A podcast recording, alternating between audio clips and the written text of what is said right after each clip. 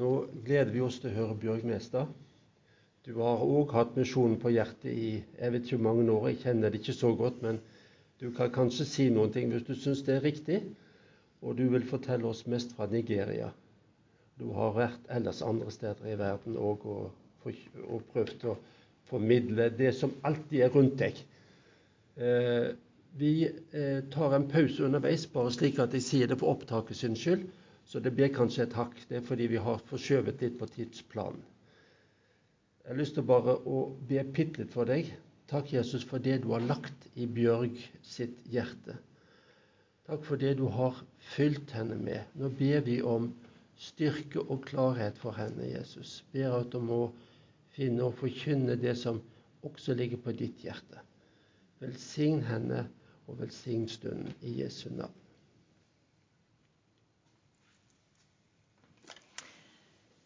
Ja, det var flott å kunne komme her og være sammen med dere i dag, i formiddag. Um, jeg skal ta dere med en tur til Nigeria. Um, Nigeria er jo i Afrika, uh, som dere vet. I Afrika så har de en annen måte å tenke møter på enn her i Norge. Og Det lå sånn på hjertet at jeg skal si i dag, og det er de sier vi begynner når folket har kommet, og så slutter vi når vi er ferdige.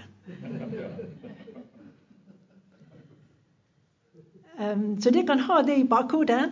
Um, jeg er ikke betalt for å holde på lenge, men jeg har masse på hjertet, så derfor så kan det bli ei stund. Um, og når jeg bare har, Det er første gangen jeg er her for å si noe i Kristkirka, så, så har jeg lyst til å få dele mye. Jeg var en tur i Nigeria i uh, april i år. Jeg var i tre uker. Jeg var der på, uh, og hadde noen kurs der. Og Nigeria hadde allerede leie på mitt hjerte før jeg reiste dit. Jeg hadde vært bedt, jeg hatt bedt sammen med folk fra Nigeria eh, i over to år før jeg kom dit.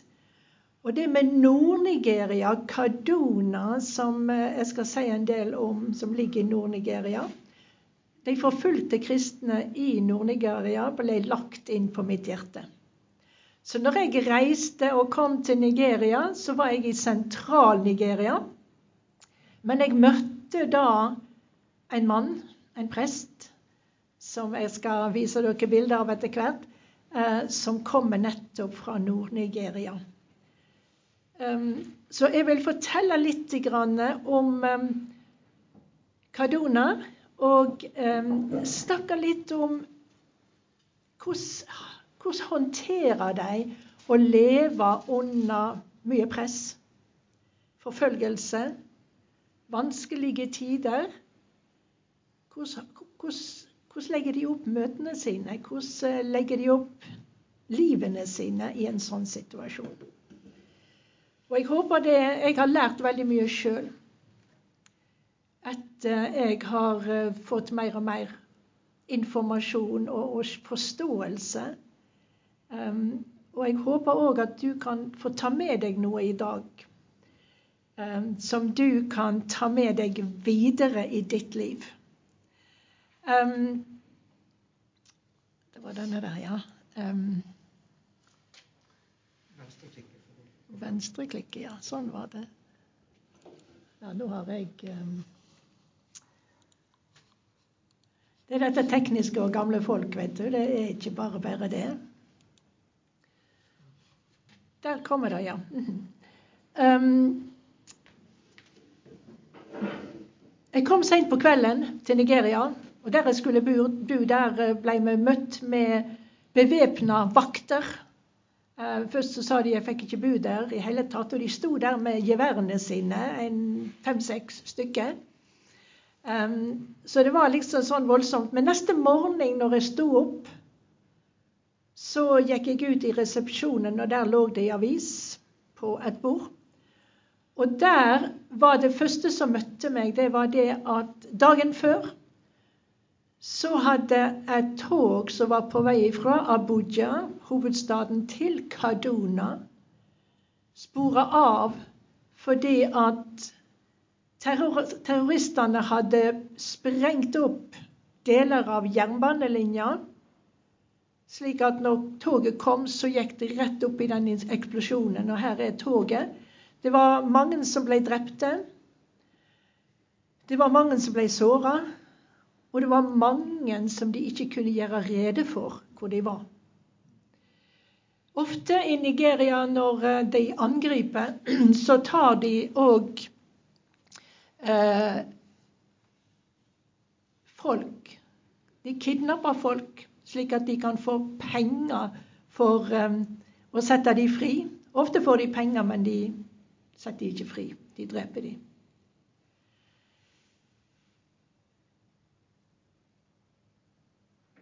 Det, er, det bildet som dere ser her, det ser òg et bilde med mye grønnsaker, med frukt og, og, og, fine ting. Um, ja. Um, det er veldig froderikt i nord. Problemet akkurat nå er det at faktisk det er veldig mange der i nord som er fattige, og som ikke har råd til å kjøpe mat. Jeg skal si litt mer om det seinere. Um,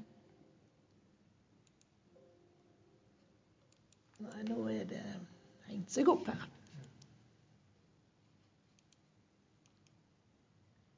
Neste. Ja.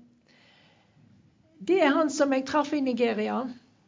Han heter Efraim, prest, 42 år. Han er i Ekwa, som allerede har vært meldt om her. Han, um, han er født og oppvokst i dette området, i Kaduna.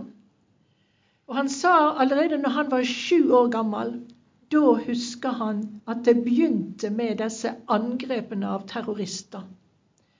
Så i hans siste 35 år så har han levd med dette. Og han eh, sa til meg at det er bare en, en tynn linje mellom liv og død. Slik opplever de det, og slik eh, er det han har levd med det i så mange år. Um, hvis du ser et kart over Nigeria, så ligger Kaduna ligger ganske i midten. Det ser et sånt blått felt litt nede og et blått felt litt oppe. Og så er det et sånt mer sånn rosa felt der, ganske midt i kartet, i hjertet av Nigeria. Der står det Kaduna. Kaduna det er staten. De kaller ikke for fylke, men de kaller for stat staten Kadona, men de har òg en by som heter Kadona som er kan du si, statshovedstaden. Det er der i, i denne byen at um, pastor Efraim bor. Ofte så blir det sagt at muslimene bor i nord, og de kristne i sør. Det er veldig mye kristne i, i Nigeria. Um, men nå er det sånn at ja, altså Muslimene det er mye i, muslimer i nord. Og de ønsker egentlig å ta Nigeria fra nord og gjøre Nigeria til en muslimsk stat. Men nå er det sånn at det er veldig mange kristne òg fra sør som flytter bevisst nordover. Enten for um, studier eller for arbeid. For å være en motvekt mot muslimene i nord. De gjør det med livet som innsats. Og Sist eh, jeg snakka med pastor Efraim, så sa han at han hadde hørt nå at det var 56 millioner kristne i Nord-Nigeria. Um, for oss så virker det fryktelig mye, for vi er jo i dette vesle landet her. Men i Nigeria der er det faktisk 211 millioner mennesker. Slik at de er ikke alene der, um, disse muslimene. Her er pastor Efraim med familien sin. Kona Patience og de fire guttene. Det er et litt gammelt bilde. De er blitt større nå. Han minste som sitter på pastor Efraim sitt fang, han var fire år i sommer. Det å være far til fire gutter det koster en del i sånt, en, sånn, en, sånn, plass som Kaduna. Eh, hverdagen deres starter tidlig. Ja, det starter tidlig i helga òg. I halv seks-seks-tida så er de oppe. Og da har de bibelstudie og bønn. Det er, det, er, det, er, det avgjørende. De spiser naturligvis, og så sier han det hver dag. Før jeg sender guttene mine på skolen, så må jeg snakke med dem om realitetene rundt oss. Jeg må vite at når de går på skolen Han, han kjører dem på skolen. De kan ikke gå selv om ikke det er så langt. Han kjører dem på skolen. Han sier jeg må vite at de må være i balanse. Rent psykisk, rent følelsesmessig, når de går på skolen. De må være i en sånn balanse at de ikke blir Ja, jeg vet ikke hva jeg skal kalle det for, men at de må være der. De kan få en melding som kan være vanskelig for dem den dagen. Det kan skje at de får en melding at din far er drept. Din far er kidnappa. Det er det som er realitetene for dem. Så han sier hver dag må jeg snakke med dem om dette. At de er i balanse. Så kjører han dem på skolen. De er ikke langt unna, men de kan ikke gå på skolen. De kan ikke sykle på skolen. Det er ikke trygt. De begynner på skolen på klokka åtte og er ferdig klokka fire på ettermiddagen. Han reiser og henter de òg. Og når de kommer hjem igjen da, så er de hjemme. De er i huset hjemme. De kan ikke gå ut i samfunnet rundt der de bor. Det er ikke trygt. Men um, pastor Referam sier Gud er vår trygghet. Gud er vår trygghet. Han er med oss hver dag. Vi vet at vi kan bli drept når som helst og hvor som helst. Men Gud er med oss. Dette er kirka som han har ansvaret for. Han har òg oppsyn med fem andre kirker alle under Equa. Og um,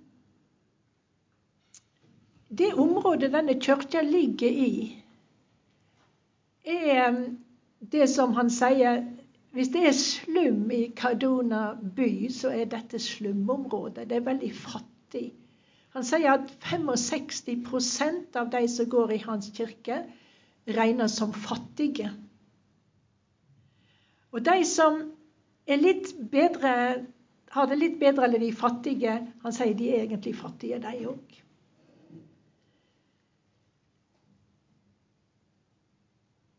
Kyrkja, akkurat der som kirka ligger, er et trygt område. Og det er trygt. De har murer som de har bygd rundt kirka. Og de opplever at det er trygt å være der. Men de fleste som går i denne kirka, lever i områder som ikke regnes for å være trygge områder. Der kan de oppleve drap, der kan de oppleve kidnapping. De, de, de ber mye i denne kirka. De ber veldig mye. De har søndagsgudstjeneste på søndags formiddag klokka ni til klokka elleve. På ettermiddagen klokka fem til seks så er de sammen igjen, og da ber de. På onsdag fra fem til seks så ber de òg. Vi ber mye. Jeg kommer til å nevne det flere ganger.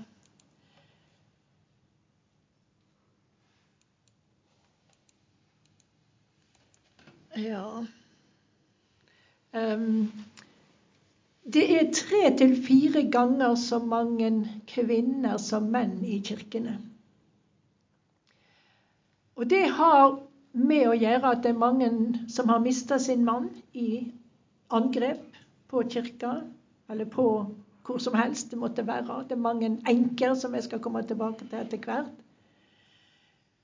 Han regner med at det er, i hvert fall tidligere så har det vært mellom 250 til 270 mennesker eh, på ei vanlig gudstjeneste. Av dem så er det 57 enker. Det er ikke bare det at mennene har vært drepte, ja, det, det, det, er bare de for de, som, de enkene at mennene har blitt drepte.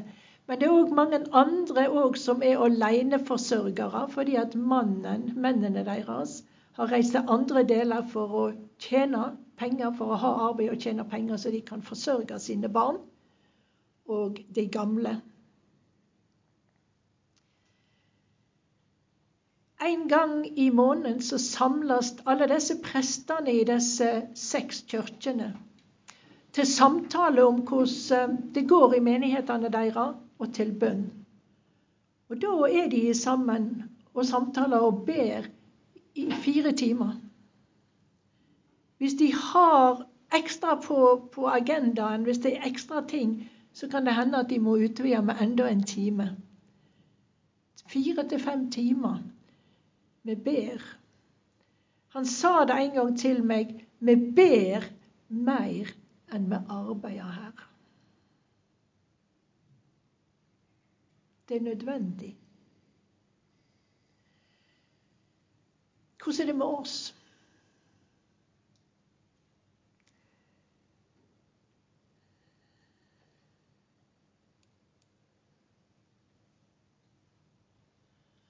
Før gudstjenesten begynner på søndagsmorgen klokka ni, så samles de faktisk klokka åtte. Der eh, ikke bare barna begynner sin eh, bibelundervisning, men eh, de har òg søndagsskole for voksne. Og Da samles de i små grupper, slik som en ser her. Det er en som er leder, det er en som er godt befesta i Guds ord en prest, en eldste eller hvem det måtte være. Og så har de en plan der de leser i sammen, der de samtaler om det de leser, der de kan spille, stille spørsmål begge veier til det de leser. I løpet av sju år så har de samtalt seg igjennom hele Bibelen. Ikke bare det, men de memorerer òg veldig mye. Ikke bare ett og ett vers, slik som vi gjerne gjør, men kapitler. Han sa det en dag, han eldste gutten min, som nå er 14 år.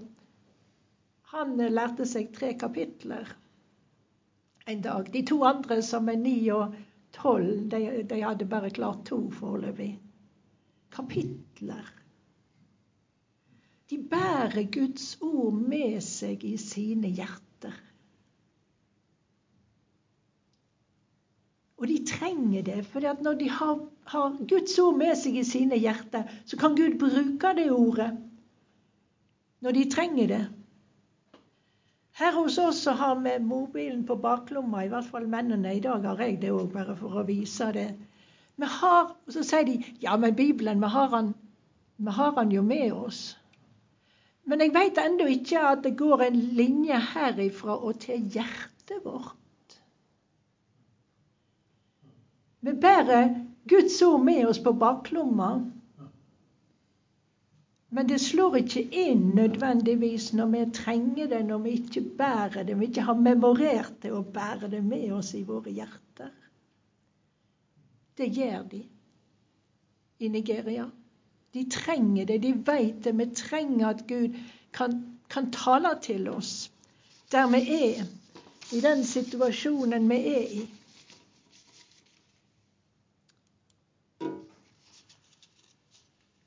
Sabina, ja, der er søndagsskolen. Um, det er mange barn som kommer til søndagsskolen. De har tre små rom. Jeg forstår egentlig ikke når jeg ser videoer av de, de tre rommene, at det kan være plass til 100-150 barn der. Men de kommer. De ønsker Guds ord. Sabina er en av um, de som er, har vært lærere, vært lærer for søndagsskolebarna. Hun går egentlig på universitetet, men universitetene har vært stengt ned i åtte måneder. Fra februar i år til oktober nå.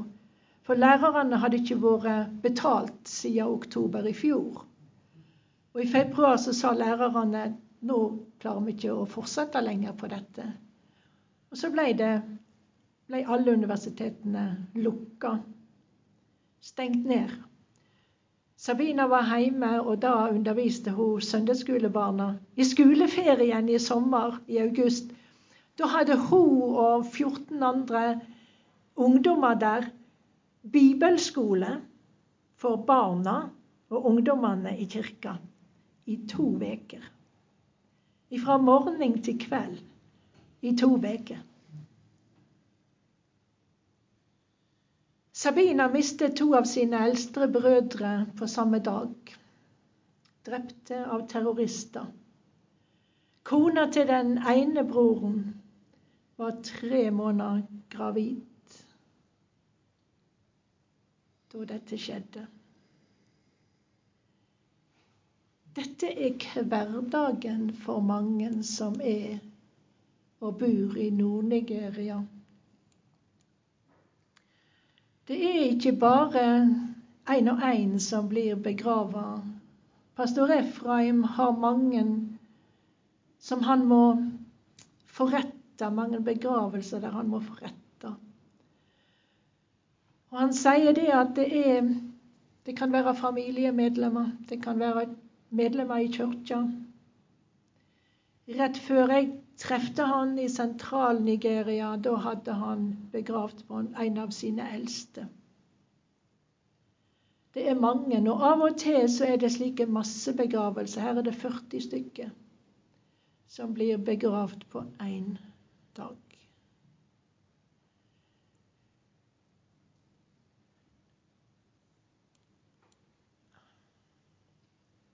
Jeg sa det at det er mange enker. De fleste av de som er på dette bildet, er faktisk enker. Noen av disse 57 enkene Enkene, kvinnene, er ofrene for angrepene. De blir traumatiserte. Mange av de i disse angrepene, når de skjer, da kommer de disse angriperne i flokker på mellom 30 og 50 stykker. Med helt moderne våpen. Mange av disse terroristene det er nomader, Fulani-nomader, som kommer. De er ute etter jorda. Og det er klart at når de kommer, så er det vanskelig for mannen, for bonden. Mange, De fleste bønder rundt i dette området er kristne folk. Kristne bønder. De klarer ikke å stå der og bare se på at de tar jorda, de brenner husene deres. At de tar jorda ifra dem. De eh, vil gjerne forsvare seg og sin familie, og da blir de drept. Kvinnene blir traumatiserte. Det er mye vold som foregår i, i slike angrep. Der de voldtar kvinner og unge jenter der og da.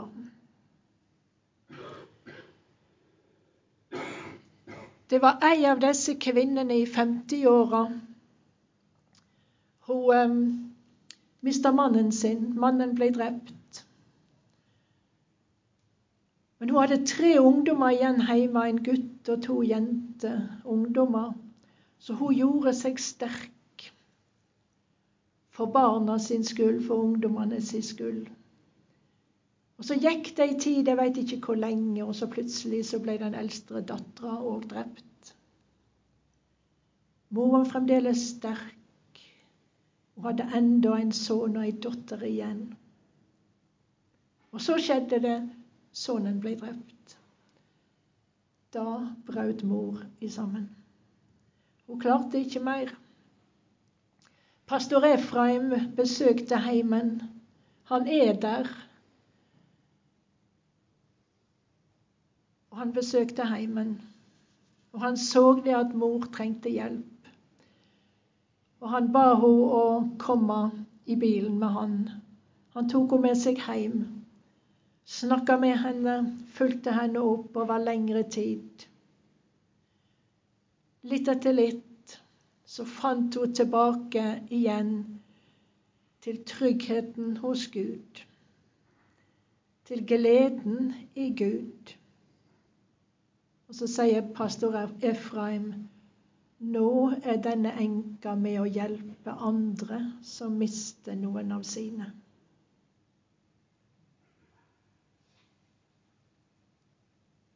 Det kjenner jeg nok til dette her, de som angriper. Det er Boko Haram, islamistisk gruppe i Nigeria, som utfører mange terroraksjoner.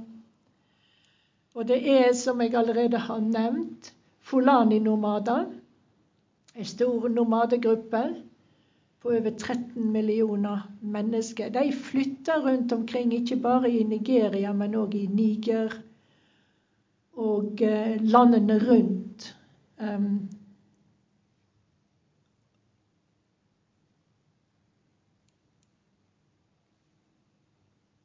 og sånn kan det se ut et uh, angrep.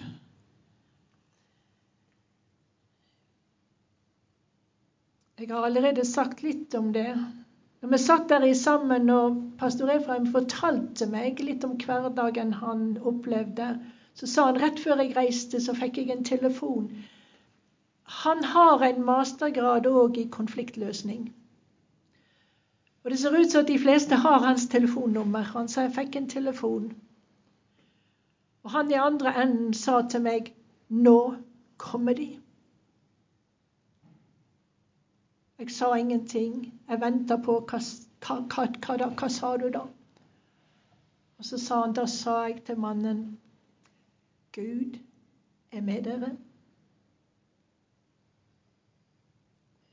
Så sa han ikke mer. Jeg satt og venta på Ja, sa du ikke noe mer?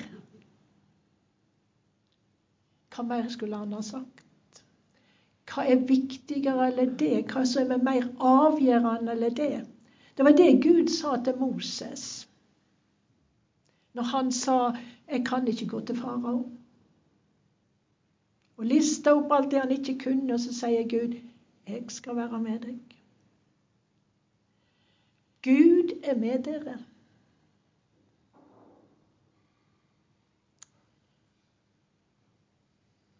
Han sier vi har, vi har ikke noen andre her. Vi har ikke en 112. Han visste ikke at vi hadde 112 i Norge, men jeg sier det. De har ikke noe 112 som de kan ringe i sånne situasjoner. De har politi, sånn som vi. Men det er ingen politi som stiller opp når opprørerne kommer. De har ingen sikkerhet. Han sier vi har bare Gud. Og Gud er med oss. Og så sier han til meg det i Vesten de har så mange alternativer, det, sa han, når de har, har det vanskelig. Og da, sa han, da kan det ofte hende det at Gud kommer litt lenger ned på lista. Det er ikke førstevalget nødvendigvis for oss at vi ber. De ba mye i Kina òg. De hadde Gud som førstevalget. Når de har det vanskelig, så har vi ikke noe andre, sier Efraim. Dette er et bilde som han tok i påska i fjor. Han var da for å tale i en menighet et stykke ute i staten Kaduna. Kirka hadde blitt angrepet og ødelagt av terrorgrupper. Det skal være valg nå i eh, februar i 2023. Og målet til terroristene nå er kirker, å brenne kirker og ødelegge kirker. Og drepe, kidnappe prester og medlemmer i kirkene.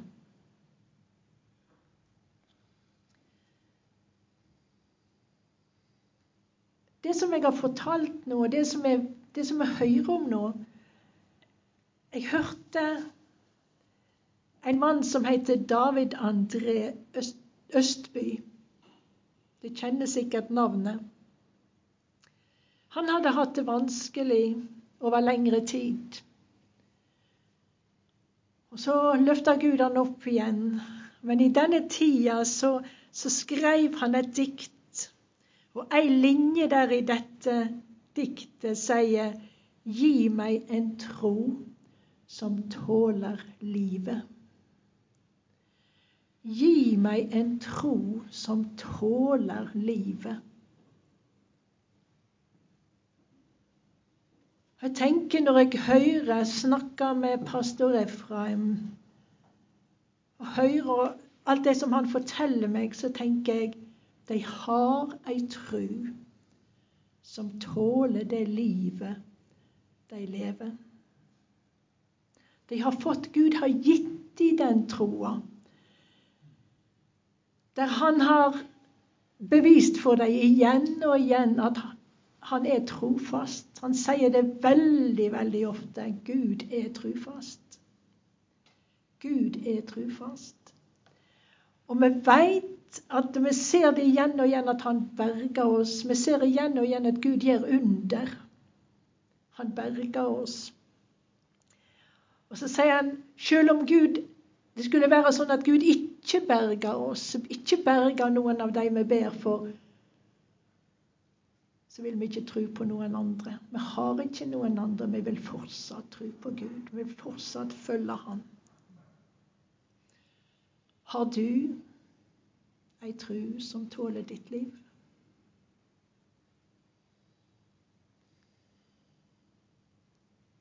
Ei tru som tåler det livet vi lever. Når de var samlet til gudstjeneste der i påska, bare på kirketomten, så var det noen av ungdommene som hadde tror jeg bare laga seg noe våpen. De sto vakt der, for hvis terroristene kom, så skulle de i hvert fall møte noen som ville kjempe mot dem. Jeg veit ikke hvor gode disse våpnene var, men de sto der. Og de sa vi skal stå her og stoppe dem. De var ubeskytta. Det var ikke noen mur rundt omkring.